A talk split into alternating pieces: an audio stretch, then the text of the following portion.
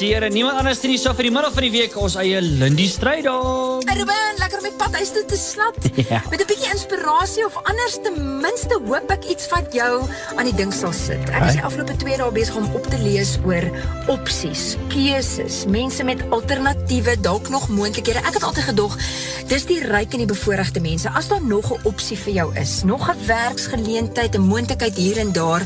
Maar wat ek die afgelope 2 dae agterkom, is dat daai ouens met so baie opsies is soms so oorweldig deur al die moontlikhede dat hulle soms net nie eenvoudig kan begin met wat hulle veronderstel is om te doen nie of hulle maak nie klaar nie, hulle druk nie deur nie en hulle sukkel om gelukkig en tevrede te wees met wat hulle het.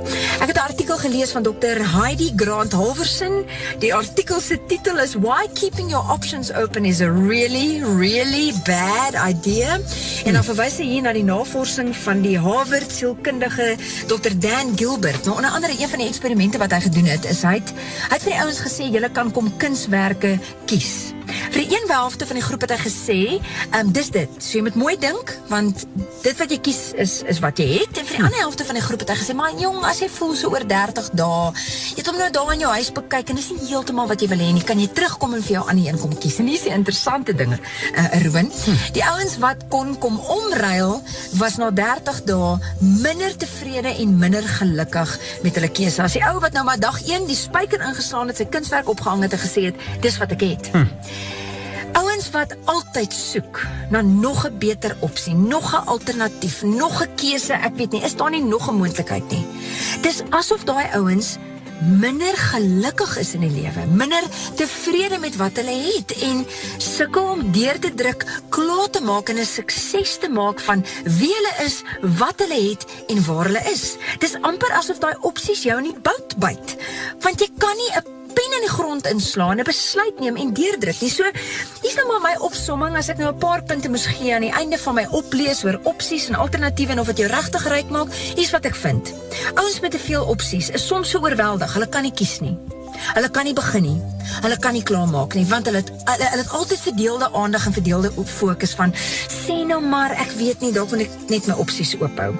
As hulle uiteindelik 'n keuse maak, is dit soms 'n slegte keuse want ek het in my kop en my energie opgebruik op al die moontlikhede wat ek oorweeg het dat wanneer ek uiteindelik 'n keuse maak, dit eintlik 'n slegte keuse is. Hmm. Ouens met al hierdie baie opsies is soms angstig, hulle is gestres, hulle is onseker, hulle is ontevrede en hulle spyt en daar selfs 'n mate van depressie. Ek weet nog steeds nie aan die einde of ek die regte keuse gemaak het nie. Hm. So, Miskien dink jy vanaand ek het net brood om te eet. Ai arme ek. Maar ek weet nie Ruben, is soms vir my daai ou wat net dit het. Dis asof hy meer dankbaar is en asof sy brood nog lekkerder proe. As die ou wat dink, "Ag, ek weet nie, sal dit steak wees, hoender, lasagnetjie of 'n prawn?" As jy voel vanmiddag jy het nie opsies en jy het gedink jy's arm.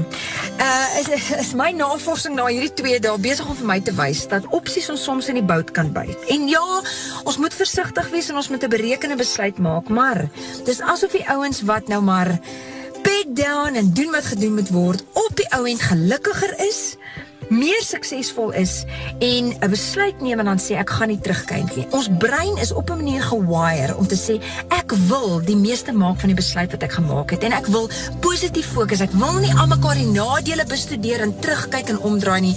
Ek wil hier wees, tevrede met wie ek is, tevrede met wat ek het en tevrede om die meeste te maak van waar ek is. Nou, kom ons gaan leef so. Hierdie is waar ons is in hierdie land. Hierdie geleenthede is ons toevertrou. Kom ons gemaak die meeste nou op ons moeg maak oor die groener gras en die moontlikhede en die ander opsies. Ek weet nie op die ou en dink jy jouself so diep in 'n gat oor al die opsies en alternatiewe dat jy nooit in die gang kom nie, nooit de deurdruk nie en nooit sukses maak van waar jy is met wat jy het en wie jy is nie. My naam is Lindy Strydom en dit was jou sluddy pad ten minste om jou aan die ding te sit inspirasie net hier op Groot FM 90.5.